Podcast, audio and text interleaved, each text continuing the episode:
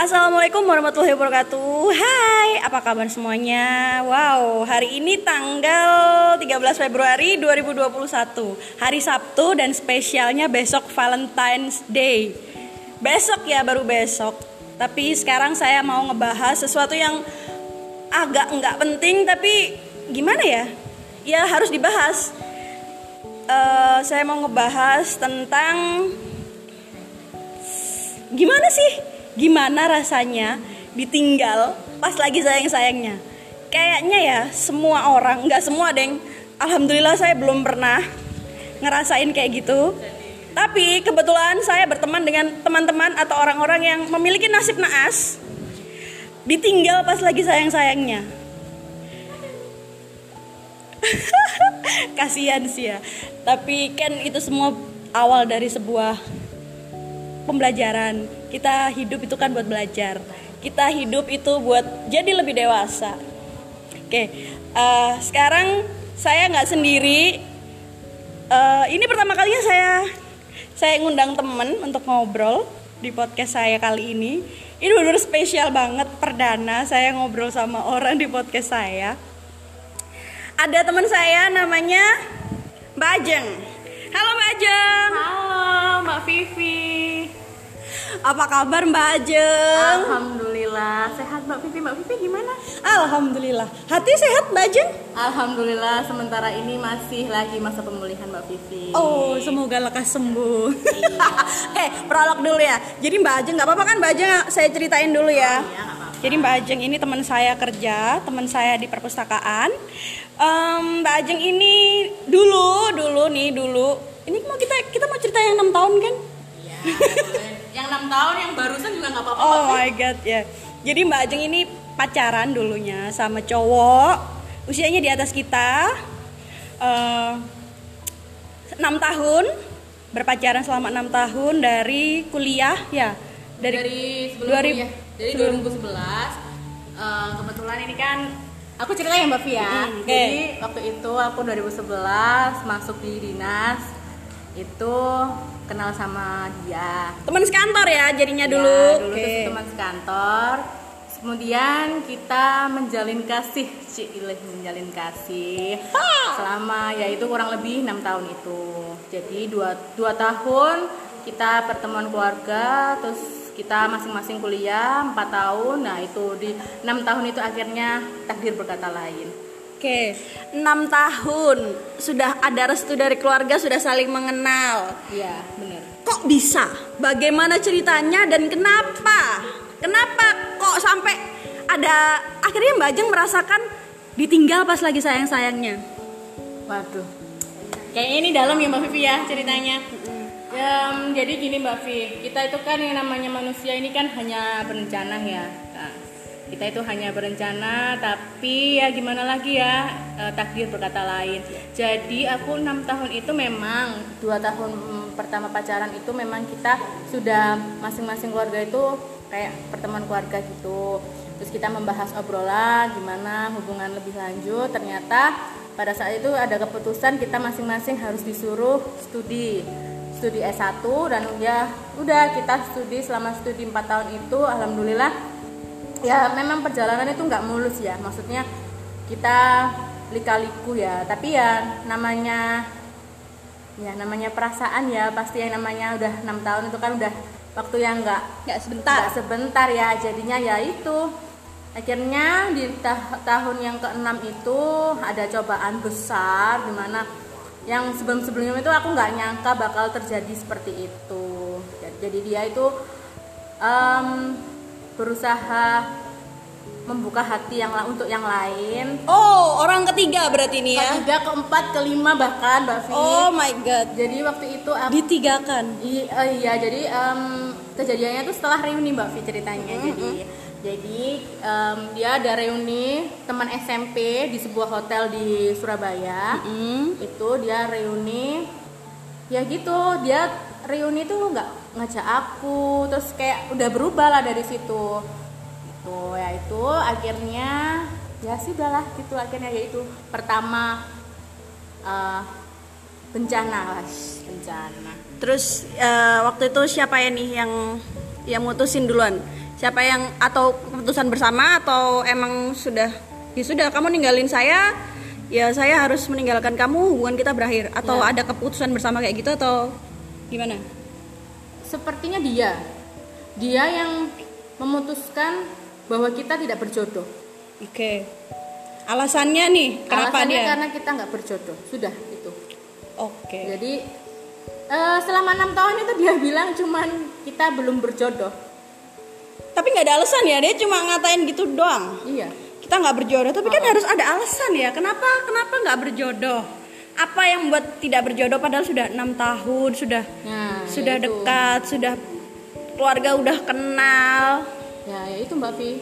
Ya pokoknya dia waktu itu sebelumnya itu memang dia nggak ngaku ya. Maksudnya untuk untuk apa kayak main belakang itu dia nggak nggak cerita memang. Jadi memang dia itu ya aku nggak tahu ya apa semua lelaki itu modelnya kayak gitu. Enggak lah. Tahu gimana. Nggak semua lelaki jadi gitu mbak Vi aku sempat bilang sama dia kamu cerita atau aku yang cari tahu sendiri. Nah dari situ akhirnya dia nggak mau cerita akhirnya aku yang cari tahu sendiri. Akhirnya ya udah kebuka semua udah ketahuan dia deket sama siapa aja. Bahkan ada salah satu temannya yang dia itu belum cerai tapi mereka udah kayak semacam sahabat gitu loh. Sampai sampai gitulah pokoknya. Sampai pokoknya menyakitkan waktu itu selama pacaran nih berarti dia emang suka lirik-lirik atau emang baru di enam tahun terakhir? Sepertinya di enam tahun ke enam kayaknya di tahun 6 ini. Maksudnya kan sebelumnya itu kan memang dia itu kan nggak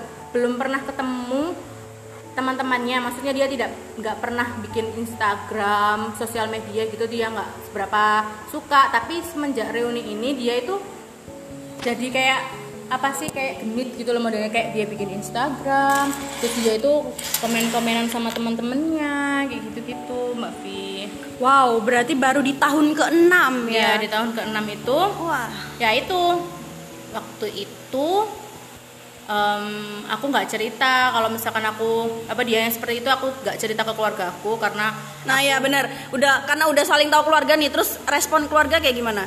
Ya aku nggak cerita aku waktu aku ingat aku tahun ke-6 itu berakhirnya di Desember. Jadi aku nggak nggak cerita ke bahkan ke nenek aku yang paling dekat sama aku orang yang paling dekat sama aku tuh aku nggak cerita. Sampai pada akhirnya itu mereka sudah curiga. Mereka itu curiga karena nggak pernah main karena gitu nggak ya? pernah main. Terus kok nggak pernah komunikasi. Pokoknya tanya kabarnya. Nah dari situ aku cerita. Aku inget banget waktu itu aku lagi jalan-jalan sama temenku waktu itu birthday-nya temenku namanya Winda jadi waktu itu kita lagi di TP aku ditelepon sama mamaku aku disuruh pulang karena nenek aku itu eh, serangan stroke hmm wow gitu. Jadi satu hari sebelumnya nenek aku memang tanya ke aku tentang hubunganku sama Mas mantan. Itu terus aku cerita. Nah, nah itu nenek aku mungkin karena Shock, shock. Iya, karena mungkin kan aku ini kan cucu yang diharapkan untuk segera menikah Hmm. karena di usia aku yang sekarang juga dan aku juga pacarnya udah enam tahun itu. Hmm, Akhirnya ya itu satu hari setelahnya nenek aku stroke itu.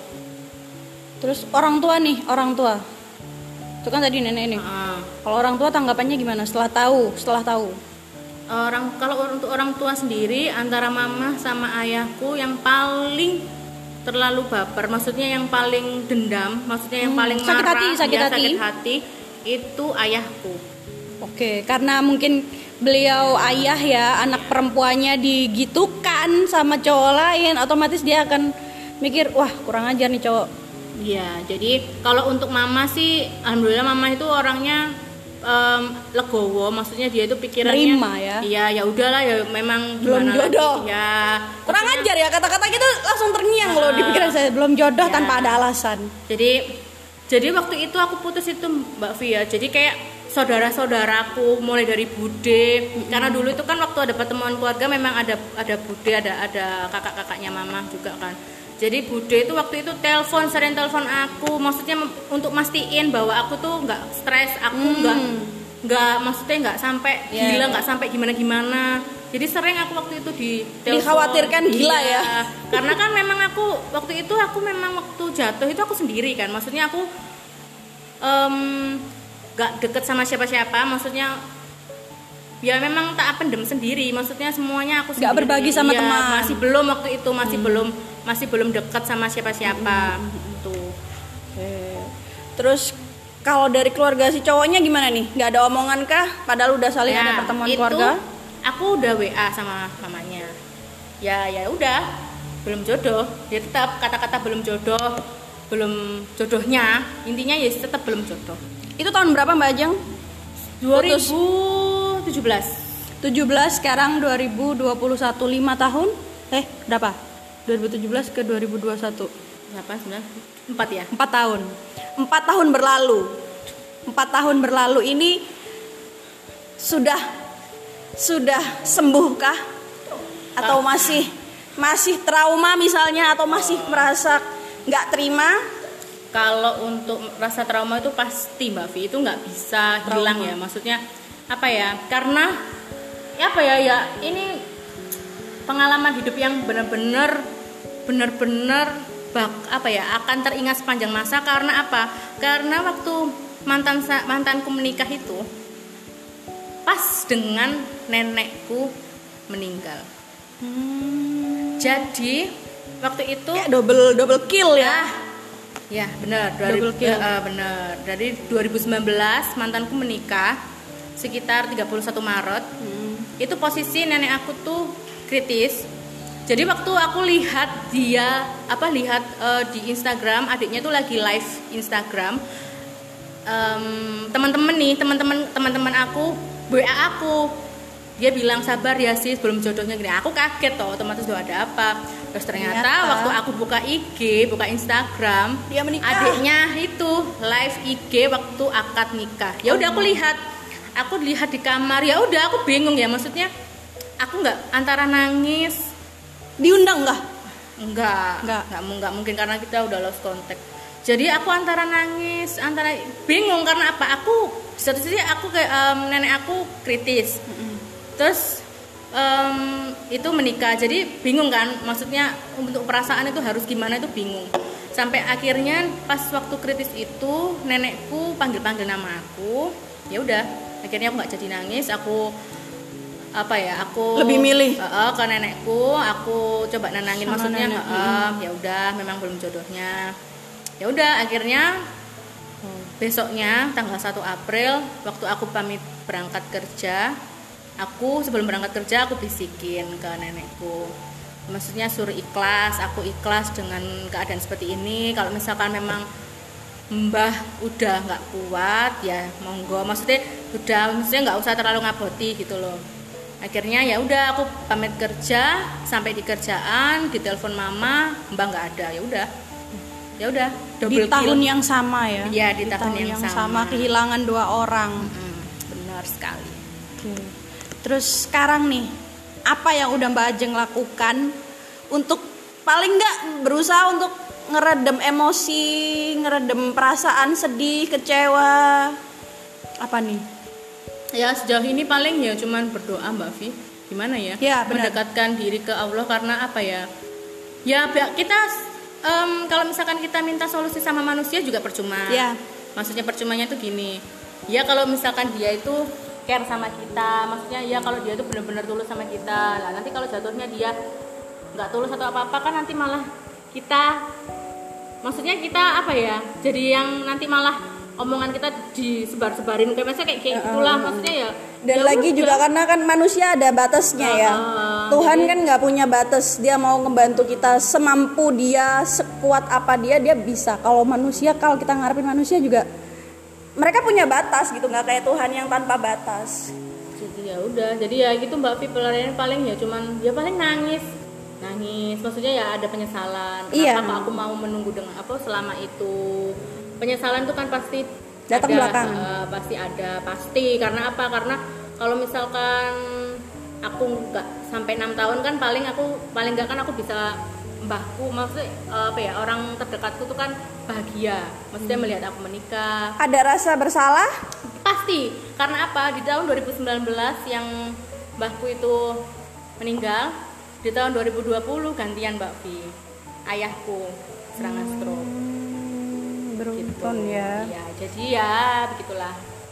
Bahkan sampai detik ini pun ayah itu masih kadang suka mikir.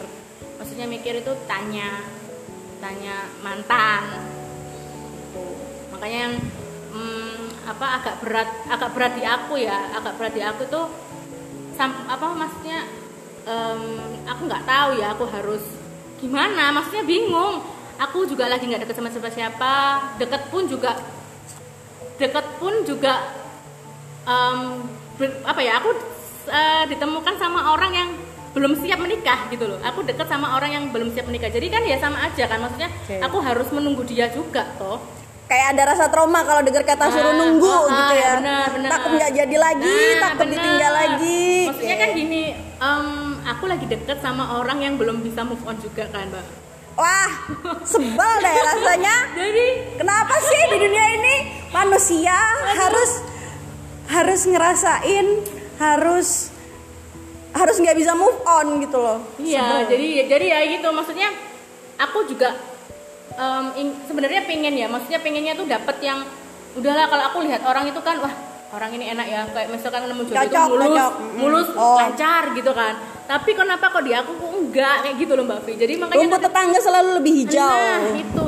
Nggak tahu itu. Aku harus aduh kayak hopeless gitu loh kalau masalah berarti selama udah- tiga tahun empat tahun ini belum pernah deket yang serius dengan laki-laki lain? belum. Paling deket-deket deket-deket biasa maksudnya deket-deket Ya, yang deket cuman dikenalin, dikenalin. cuman ya udah cuman ngajakin nikah tapi nggak jelas. Nggak jelas mau ke mana nikah sama siapa apa aduh nggak ada. Udah. Ya kadang kadang kalau misalnya kita mikir "Eh, kok kita nggak dapet dapet ya? Kok kita kok kita rasanya susah? Orang lain kok gampang banget gitu dapat pacar tunangan merit cepet banget waktunya. Kenapa kita sempat ngerasa kayak gitu sih? Cuman kadang kalau misalnya aku boleh boleh ngomong nih ya eh kita diketemuin dengan orang yang salah. Sebelum akhirnya kita ketemu sama orang yang benar. Jadi kayak misalnya Tuhan nih ngasih ngasih Mbak Ajeng orang yang salah selama enam tahun dikira dia satu-satunya yang akan menjadi suami ternyata eh nggak jadi. Ya berarti nanti akan ada laki-laki lain yang benar yang tepat untuk Mbak Ajeng gitu loh. Amin. Loh mbak Fi bentar. Sebelum itu apa namanya? Di enam tahun itu sebenarnya eh, ada beberapa. Jadi selama enam tahun itu ada beberapa orang beberapa laki-laki itu yang sebenarnya ada yang mau ngajak nikah. Oke. Ada yang mau ngajak serius. Tapi pada saat itu karena ya sudah punya ya pacar. jadi aku lebih milih Memilih pacar. dia, memilih, memilih- setia. Pilih setia lebih tepat. padahal akhirnya diduakan. Oh sorry ditigakan banyak pokoknya kayak gitu. Makanya makanya untuk pengalaman aja sih. Kalau misalkan memang belum belum serius pembuktian cinta itu memang satu menikah jadi sebelum janur kuning maksudnya sebelum belum ada yang mau ngajak nikah nggak apa-apa. Buka aja pintu-pintu yang lain. Betul. siapa yang duluan udah masuk Betul. udah wes itu kenal boleh banyak tapi yang maju satu orang. udah itu wes itu. Aduh kok saya jadi emosi ya?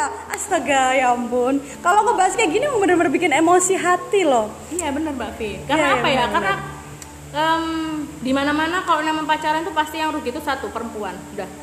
Yes selain karena dosa Ya, perempuan ya, udah rugi dah udah rugi semua rugi waktu Ya, udah rugi semuanya. Capek juga kan capek hati capek memulai. Banyak orang yang males males pacaran itu bukan bukan karena trauma atau apa. Kayak misalnya Mbak Ojeng mungkin trauma ya tapi kalau saya saya nggak mau pacaran karena yang pertama saya capek. Capek dengan segala fase. Pacar deket pacaran putus sakit hati kenalan lagi. Capek kayak gitu. Umur umur udah bukan anak kecil lagi yang harus ikutin fase kayak gitu. Jadi ya lebih baik sendiri dulu deh. Memperbaiki diri dulu, benerin hidup dulu, fokus sama keluarga, teman-teman, sayang sama diri sendiri dulu, baru nanti ada orang yang sayang sama kita. pokoknya pokoknya gini mbak Fi jangan sampai kita termindset kita menikah karena keadaan. Maksudnya karena banyak Terpaksa gitu ya. karena karena kita nih udah umur segini ya udah Oke, udah ya, kepala terus lihat teman-teman sekitar udah pada punya anak udah pada gi- gini terus kitanya cuma apa masih masih sendiri aja jangan jangan kayak gitu karena apa ya karena menikah itu nggak lihat dari itu Betul. maksudnya banyak yang harus disiapin Betul, lagi benar. selain keuangan ya mental kayak gitu-gitu. Karena nikah itu nggak cuma sekali ya, tapi buat ibadah seumur hidup selama kita sampai sampai kita meninggal. Jadi kalau misalnya kita salah milih orang, salah ngambil keputusan, udah selesai.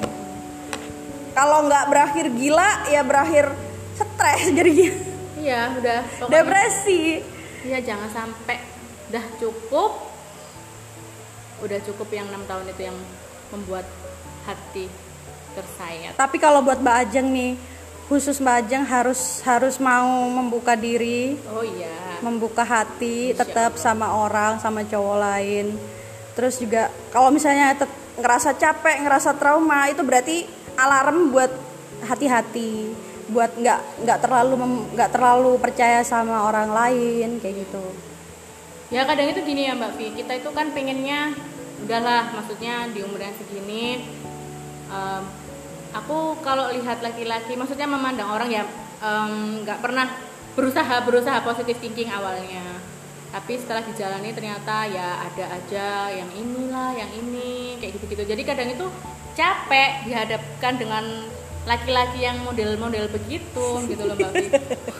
Kayaknya udah kayak aduh, wes lah. emang paling baik tuh sendiri dulu Iya bener. sampai bener-bener ada yang Kadang mau itu maju sampai sa- kadang itu sampai kepikiran apa aku nggak nikah ya kayak gitu mbak Vi. nggak boleh dong Maksudnya gini, kadang itu kayak lihat pengalaman teman-teman, teman-teman sekitar. jadi kayak parno ya kita ya Ah, ah, kayak entah itu masalah orang ketiga, masalah gini, masalah aduh kayaknya kok ribet gitu, kayaknya kok kayak menikah itu kok kayaknya gini ya, kayak kayak tapi itu nggak boleh nggak boleh jadi apa ya kayak pikiran yang mengganggu untuk maju.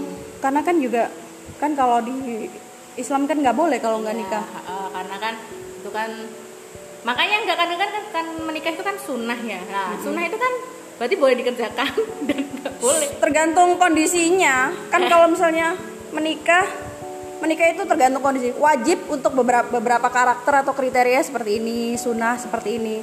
Tergantung. Kalau misalnya yang ngerasa mbak Ajeng oh ini kebutuhan menikah sudah wajib ya udah disegerakan. Kalau misalnya masih nggak ah, masih bisa masih bisa ditahan masih bisa anu sunnah berarti gitu gitu. Sebenarnya kalau untuk kayak gitu tuh kan ada mbak Via maksudnya kita tuh kalau berdoa itu pengennya satu nama gitu tapi kok nggak deket-deket? Jadi ya udahlah udah pasrah aja siapa yang datang udah. Kenapa jadi kayak postingan saya yang kemarin ya saya ngebahas Oh. nama Oh gitu, aku nggak tahu soalnya Mami. Jadi aku aku pernah nih, maksudnya ada salah satu cowok yang benernya sampai sekarang itu masih dalam pengharapan. Tapi ya udahlah, maksudnya percuma juga dia juga nggak nggak datang. Maksudnya ya jangan udah. jangan jangan berharap sama manusia berharap sama Tuhan wow ini agak agak udah agak panjang nih ya sayang kita ngobrol tentang ditinggal pas lagi sayang sayangnya tersakiti apa segala macam ya namanya juga hati apalagi perempuan pasti lemah pasti gampang banget tersakiti eh buat perempuan di sana yang masih ngerasa down, trauma, depresi sama yang sama kisah cinta yang nggak mulus. Yang pertama kalau saran saya mending eh, kalian harus bisa menerima apa yang sudah terjadi, apa yang apa yang faktanya sekarang ada. Kalaupun kalian ditinggalkan ya sudah diterima. Faktanya bahwa kalian ditinggalkan. Itu yang akan buat kalian oh ya sudah, urusan saya udah selesai di sini. Saya mau lanjut nih ke depan. Jadi terima dulu baru bisa berjalan lanjut. Oke, sekian dulu podcast dari saya hari ini. Sampai ketemu di podcast saya yang selanjutnya. Terima kasih. Wassalamualaikum warahmatullahi wabarakatuh.